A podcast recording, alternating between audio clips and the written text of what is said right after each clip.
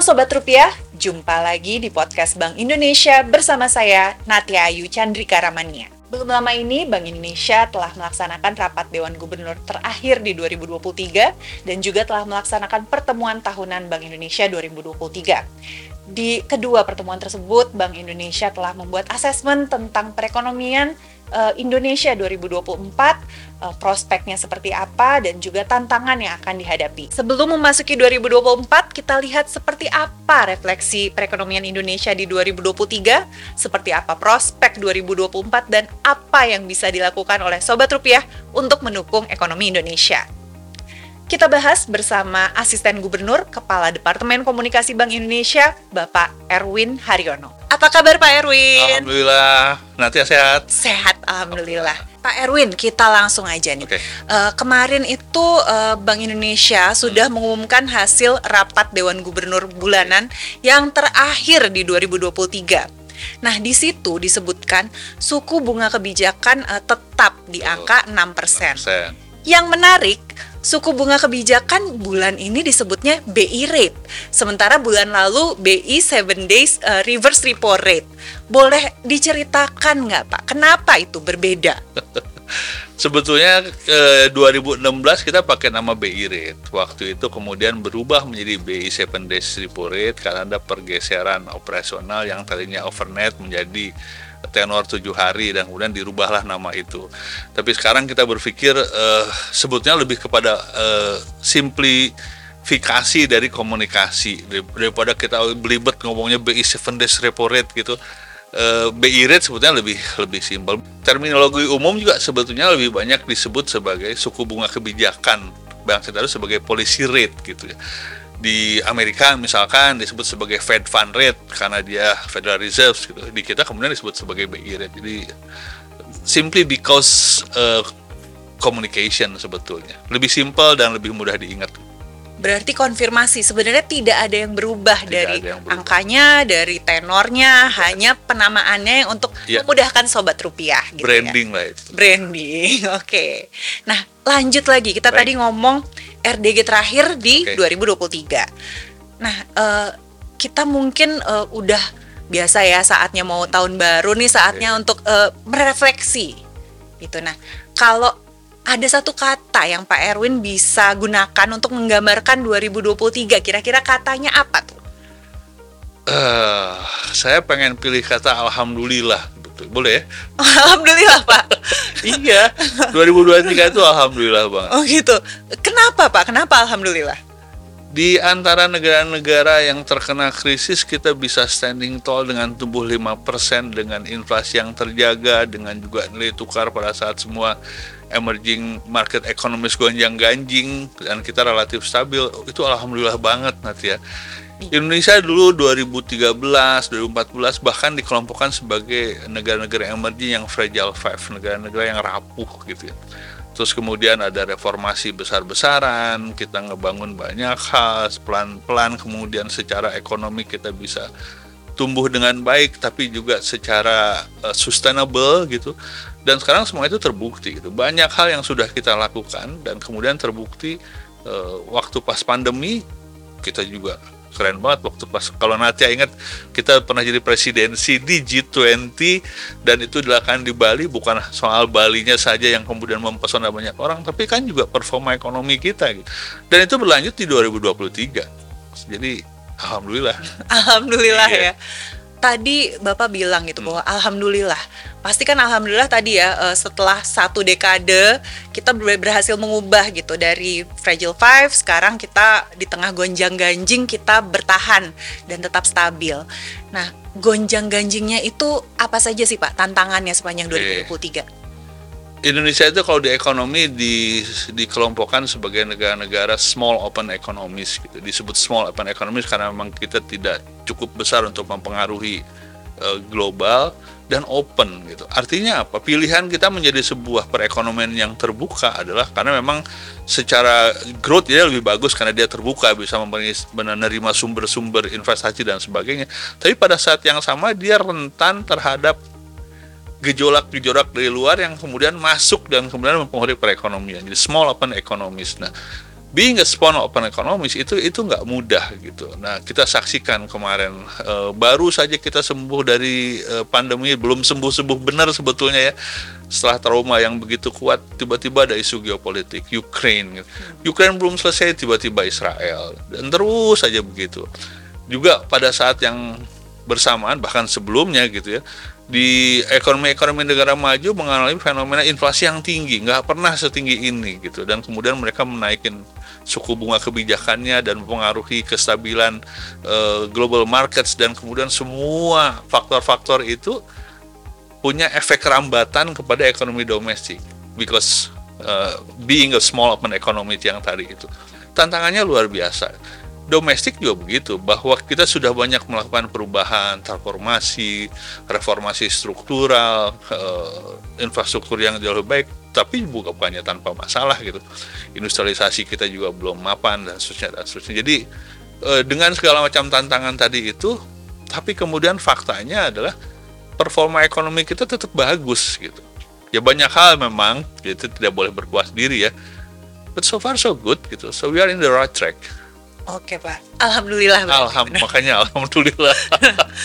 kalau balik lagi ke Alhamdulillah nih okay. Pak, kira-kira kalau Pak Erwin bisa sebutkan gitu, um, apa sih sebenarnya kunci atau indikator gitu ya bahwa perekonomian kita itu memang cukup baik di 2023? Jadi kita sudah punya tema besar yang kemudian disepakati secara nasional, yaitu tema reformasi tadi itu secara di, di, di sektor real aja banyak sekali pembangunan infrastruktur karena persoalan produktivitas kita yang membutuhkan perbaikan infrastruktur besar-besaran gitu. Tapi pada saat melakukan perubahan eh, perubahan besar-besaran tadi itu reformasi struktural, bikin infrastruktur di mana-mana, tapi kita tetap menjaga ketahanan ekonomi supaya dia sustainable ada pemikiran-pemikiran yang mendasar yang disepakati banyak orang, khususnya para pengambil keputusan, yaitu pentingnya menjaga sustainability. Bagaimana caranya? Di fiskal kita juga sangat prudent. Kita satu dari sedikit negara yang tetap mempertahankan fiskal rule di mana fiskal fiskal defisit tidak boleh lebih dari 3% kita langgar kemarin sedikit waktu pas pandemi gitu karena memang itu situasi yang sangat-sangat darurat. But then kita balik lagi ke situ. Disiplin fiskal itu sesuatu yang sangat penting karena sustainability gitu. Kita bisa bisa bilang kita pengen bangun itu, bangun ini, bangun itu, bangun tapi kemudian kalau kemudian semuanya dibiayai oleh defisit fiskal yang kemudian mengakumulasi utang, dia tidak akan sustainable gitu. Fiskal luar biasa bagus, disiplinnya luar biasa gitu tapi juga tema-tema uh, reformasi terlihat pada saat mereka melakukan yang disebut sebagai politik anggaran uh, pengeluaran-pengeluaran yang tadinya masuk kepada subsidi BBM itu dikat habis-habisan dan kemudian kita punya ruang lebih besar untuk memberikan uh, pembangunan-pembangunan yang lebih mendorong produktivitas gitu. Moneter juga sama gitu kalau misalkan kita pengen ngambil jalan pintas gitu dengan segala macam kebutuhan kita cetak duit aja gitu. Apa susahnya nyetak duit kita di BI gitu. tapi kan kita tidak pernah melakukan itu. Punya fiskal yang disiplin punya moneter yang terus menjaga kestabilan nilai rupiah inflasi melalui nilai tukar itu adalah elemen-elemen makroekonomi yang mendasar yang kemudian menjadikan uh, seluruh program tadi itu sustainable dan pada akhirnya itu dipercaya oleh investor gitu confident investor kepada perekonomian Indonesia di samping performa dari real sector tapi juga performa dari pengambil keputusan yang punya disiplin tadi itu. Punya punya kesepakatan bersama bahwa reformasi struktural itu penting tapi harus dilakukan secara prudent gitu. Itu itu luar biasa gitu itu luar biasa. Itu sesuatu yang dulu tidak terbayangkan waktu tadi saya bilang kita pernah digolongkan sebagai fragile, fragile five, five gitu Luar biasa. Berarti tadi uh, sinergi ya antara fiskal Betul. pemerintah dengan ya moneter Bank Indonesia gitu Betul. ya, Pak. Termasuk uh, di ASEAN ya, Pak. Karena kan memang 2023 itu salah satu highlight bagi Indonesia adalah keketuaan ASEAN 2023 Betul. tuh ya, Betul. Pak. That, that's a, that's a very good point gitu. 2022 kita punya presidensi atau keketuaan di G20 gitu. Uh, it was very impressive gitu. Bukan hanya uh, hospitality kita di Bali, tapi juga uh, bahkan forum besar seperti G20 belajar dari bagaimana Indonesia memanage ekonominya. Tadi itu bauran kebijakan fiskal moneter reformasi struktural dan seterusnya dan seterusnya gitu. Yang kemudian kita kita package itu sebagai uh, policy mix tadi itu. And and people learn from us kita lanjutkan di 2023 di keketuaan ASEAN. Kita juga uh, menginspirasi banyak orang tentang how we manage the economy tapi kita juga mendorong percepatan-percepatan yang real di sisi uh, pembayaran sistem pembayaran. Kita meng menginisiasi sebuah gerakan yang sangat relevan buat negara ASEAN yaitu uh, ASEAN Payment Connectivities atau Regional Payment Connectivities. Karena memang dorongan digitalisasi lewat payment yang bisa menyatukan ASEAN dan kemudian mendorong dia kepada cita-cita lama ASEAN sebagai integrasi ekonomi gitu. Dan keketuaan kita di ASEAN di tahun ini juga menginspirasi banyak banyak orang. So I'm, I'm so proud of my country. Alhamdulillah. Alhamdulillah. Ya, Pak. Termasuk soal uh, local currency transaction juga ya Persis. Pak. Bagaimana ah pada saat kita bertransaksi dengan negara lain tuh tidak harus dengan mata uang tertentu gitu ya Pak. Itu bagus banget. Mm -hmm. Jadi eh, pada saat tadi kita mendorong regional payment connectivity, kita berusaha melakukan integrasi melalui pembayaran. Kita punya kris dong yang sangat yeah. kita banggakan. Eh, Thailand misalkan punya QR code Thailand standar dan kemudian bisa ngobrol, kemudian kita bisa lakukan dengan negara lain terjadi payment connectivity. Tapi di belakang payment connectivity tadi itu ada inisiatif LCT, Local Currency Transaction. Ini juga sesuatu yang penting dan sudah dibicarakan sejak lama bahwa ketergantungan kita kepada US dollar di mana hegemoni US dollar itu begitu kuat itu tidak sehat buat semua orang. Itu sudah menjadi inisiatif global dan kemudian juga inisiatif regional. Nah, menariknya si LCT itu adalah pada saat kita lakukan payment connectivity lewat QR code QR code tadi itu di belakangnya settlement transaksi antara orang Indonesia dengan orang Thailand misalkan e, bisa dilakukan tanpa menggunakan US dollar gitu. Jadi langsung rupiah ke Thai. Gitu. Jadi ada ada dua inisiatif besar pada saat yang sama. Regional payment connectivity dan local currency transaction yang dulu hanya berhenti di sebatas wacana gitu we make it real gitu Berarti luar biasa sekali ya iya. Memang Indonesia itu uh, kepemimpinannya di sisi internasional pun uh, semakin kuat di 2023. Iya, Jadi uh, tambahan lagi kebanggaan kita, iya. keberhasilan ekonomi kita di 2023. Kita tidak lagi jago kandang sekarang. Oh gitu ya, udah uh, go public, go international. Go international. Ya. Tinggal kita nunggu sepak bola. amin. amin. Ya, amin gimana uh, sepak bola sobat rupiah kira-kira udah bisa maju di 2024 nanti? Semaju sistem pembayaran kita. Oke Pak, mumpung ngomongin cita-cita sepak bola 2024, kita belum tahu tuh masih akan seperti apa. Tapi rasanya kalau 2024 perekonomian mungkin sudah lebih ada gambaran ya Pak. Karena balik lagi ke hasil RDG terakhir di 2023 kan sudah disebutkan juga tuh ada proyeksi ekonominya Bank Indonesia antara 4,7 sampai 5,5 persen meningkat dari sebelumnya.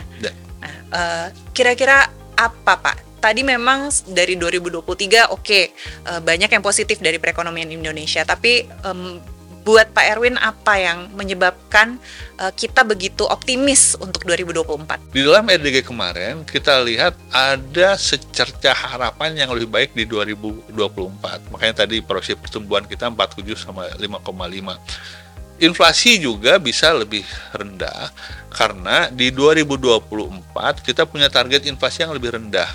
Jadi Bank Indonesia itu e, untuk menjaga kestabilan ekonomi punya target inflasi. Target inflasi yang menentukan bukan Bank Indonesia sendiri tuh, ditentukan oleh pemerintah. 2023 target inflasi kita 3% plus minus 1%. Mulai tahun depan even lower menjadi dua setengah plus minus satu persen.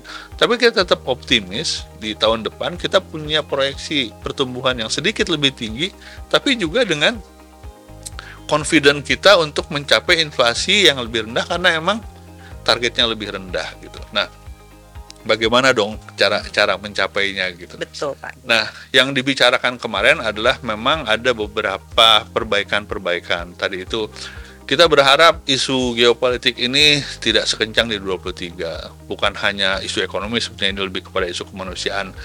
E, tapi juga dampak ekonominya diharapkan lebih lebih mild ketimbang yang kemarin. Dan yang lebih penting dari itu adalah persoalan-persoalan mendasar di negara maju sudah ada titik terangnya bahwa eh, proyeksi-proyeksi terakhir dari ekonomi di negara maju lebih baik dibanding 2023 termasuk juga eh, tekanan inflasi sudah mulai mereda tidak sengeri uh, tahun 2023 dan dengan demikian kita juga bisa melihat proyeksi-proyeksi uh, polisi respons yang dilakukan oleh otoritas keuangan di sana juga tidak seketat seperti tahun 2023. Nah, kalau sebelumnya ada istilah kalau masih ingat tuh higher for longer gitu.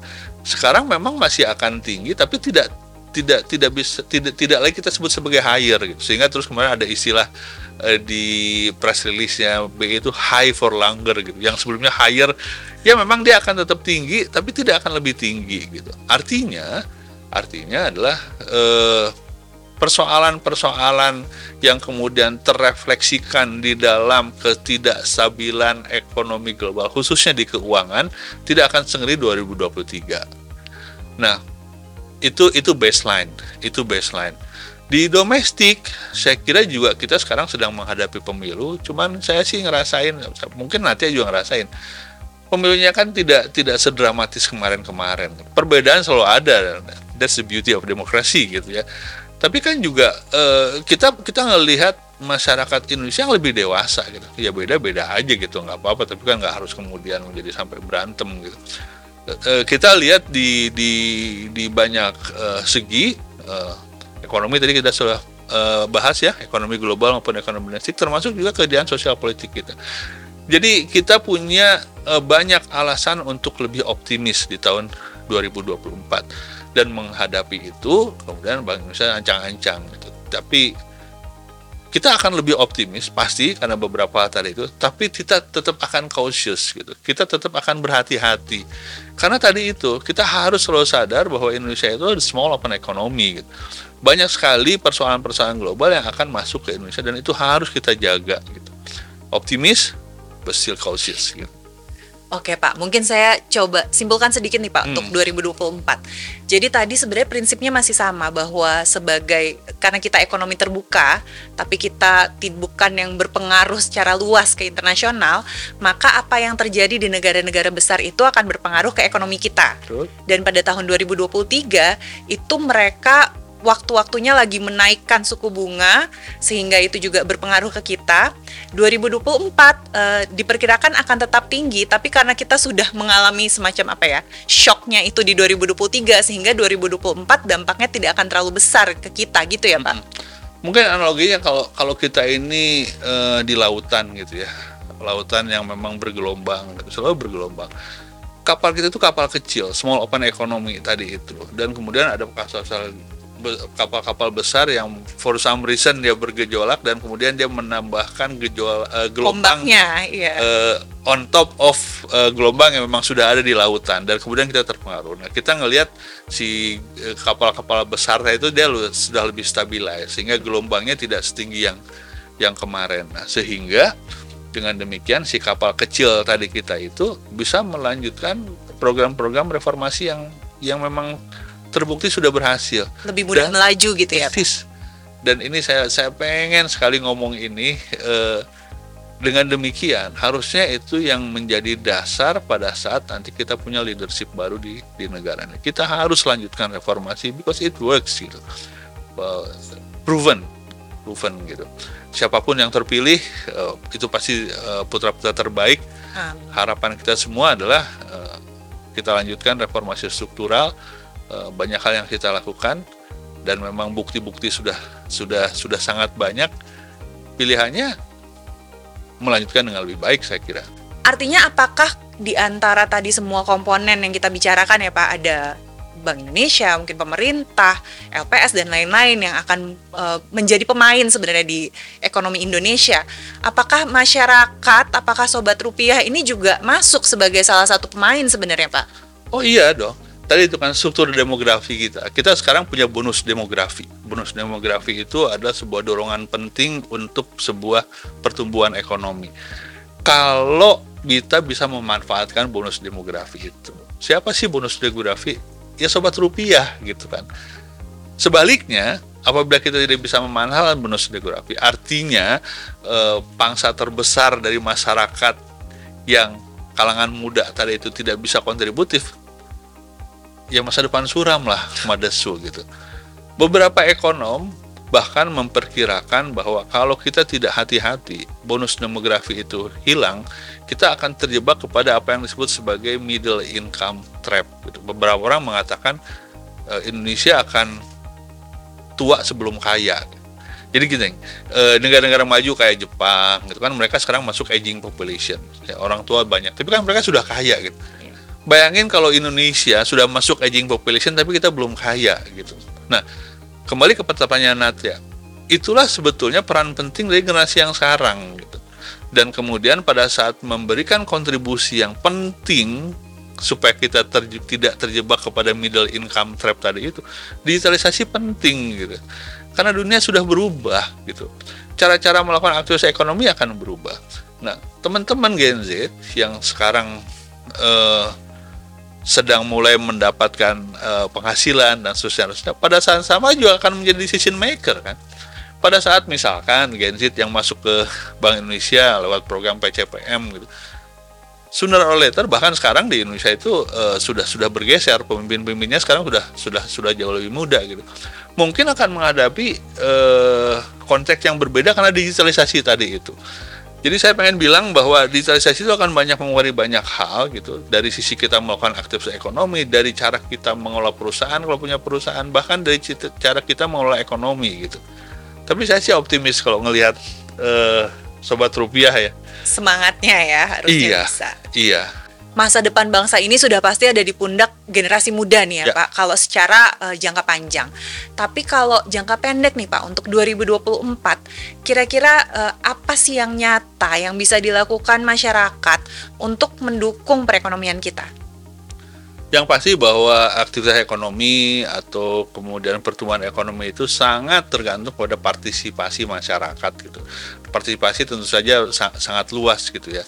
Nah, tetapi memang di dalam jangka pendek ini kita sangat berharap bahwa Indonesia bisa melakukan transisi politik ini dengan sangat mulus dan kemudian kita bisa melakukan agenda Eh, reformasi dan kemudian kita bisa punya program-program yang kemarin sudah terbukti baik dan di situ juga ada peran penting dari keikutsertaan kita dalam proses transisi politik tadi itu tapi lebih penting dari itu adalah bagaimana kemudian kita khususnya uh, para sobat rupiah ya uh, generasi muda itu lebih aktif ke dalam partisipasi ekonomi tadi itu dan again saya sangat ingin mengingatkan digitalisasi itu sesuatu yang tidak terbataskan dia punya dia akan mengubah banyak hal gitu. 2024 adalah saat di mana kita harus betul-betul mempersiapkan diri untuk masuk kepada dunia baru digitalisasi. Saya sangat percaya bahwa uh, digital platform ini akan mengubah banyak hal. Apabila kita siap, kita bisa melakukan semua itu dengan jauh lebih baik. Dan apabila kita tidak siap, sebaliknya akan terjadi bahwa platform ekonomi yang baru tadi itu mungkin tidak dikuasai oleh anak bangsa misalkan gitu. Kalau emang e, kita tidak siap gitu kan. Tapi sebaliknya kalau kita siap dari 2024 alhamdulillahnya makroekonomi kita masih terjaga, kita punya optimisme yang tadi but then necessary but not sufficient condition. Sufficient conditionnya adalah peningkatan produktivitas, produktivitas khususnya tadi e, lewat Eh, penguatan-penguatan di kapabilitas kita di dalam uh, digitalisasi. Berarti memang uh, orang Indonesia ini harus lebih melek tadi uh, ekonomi digital gitu ya, ya Pak. Dan tentunya ikut mungkin ya, misalnya yaitu UMKM, buka nah, usaha, ikut itu. tadi, even uh, dagang online pun itu sudah mendukung perekonomian sebenarnya ya Pak. Itu itu itu hal yang pengen uh, terima kasih nih saya jadi masuk. Bayangin begini katakanlah saya jual gado-gado, saya UMKM jual gado-gado gitu ya, gado-gado Bang Erwin gitu ya. Pada saat kemarin saya jual gado-gado, nanti ya beli gado-gado, semua orang gado-gado, uh, ada yang pedas pakai karet dua kayak gitu ya. Pada saat uh, Natia bayar saya pakai duit cash gitu, persoalan selesai. Tapi bayangkan sekarang, kalau Natia beli gado-gado saya pakai kris, semua orang beli pakai kris gitu ya saya sekarang punya data nih sebagai tukang gado-gado gitu ya, tukang gado-gado. Jadi begini, dulu e, data itu tidak tidak ada karena memang mereka terlalu kecil untuk membuat pembukuan misalkan. Sekarang karena memang digitalisasi pembayaran saja hanya lewat kris tiba-tiba sekarang dia punya data. Data yang kemudian kalau andaikan semua orang beli gado-gado saya pakai kris tiba-tiba saya punya data penjualan. Saya bisa bikin pembukuan. Dan jangan lupa kemudian saya bisa ngebangun apa yang disebut sebagai credit scoring. Nah kemarin-kemarin bank mau ngasih e, pendanaan kepada saya. Dia ngasih e, bunga yang tinggi. Karena karena saya nggak punya data. Dia nggak kenal saya gitu.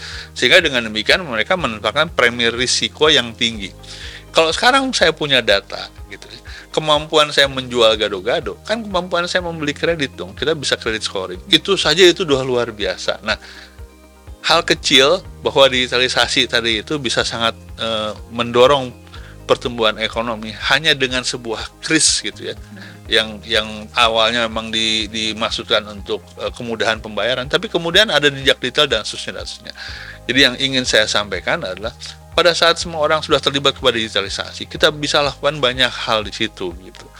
Dan sekali lagi sebagai digital native nih para sobat rupiah itu mereka jauh lebih jago daripada saya gitu. Makanya saya bilang saya sih optimis gitu melihat ekonomi Indonesia kalau emang sobat rupiah bisa berkontribusi lebih banyak kepada program-program digitalisasi yang yang sedang kita uh, lakukan. Ya. Jadi itu adalah salah satu yang bisa uh, dilakukan oleh sobat rupiah ya. untuk ya. mendukung supaya ekonomi kita uh, semakin bersinar di 2024. Nah, boleh satu kata penutup? Silakan Pak. Saya ngelihat sobat rupiah, saya melihat Indonesia yang lebih cerah.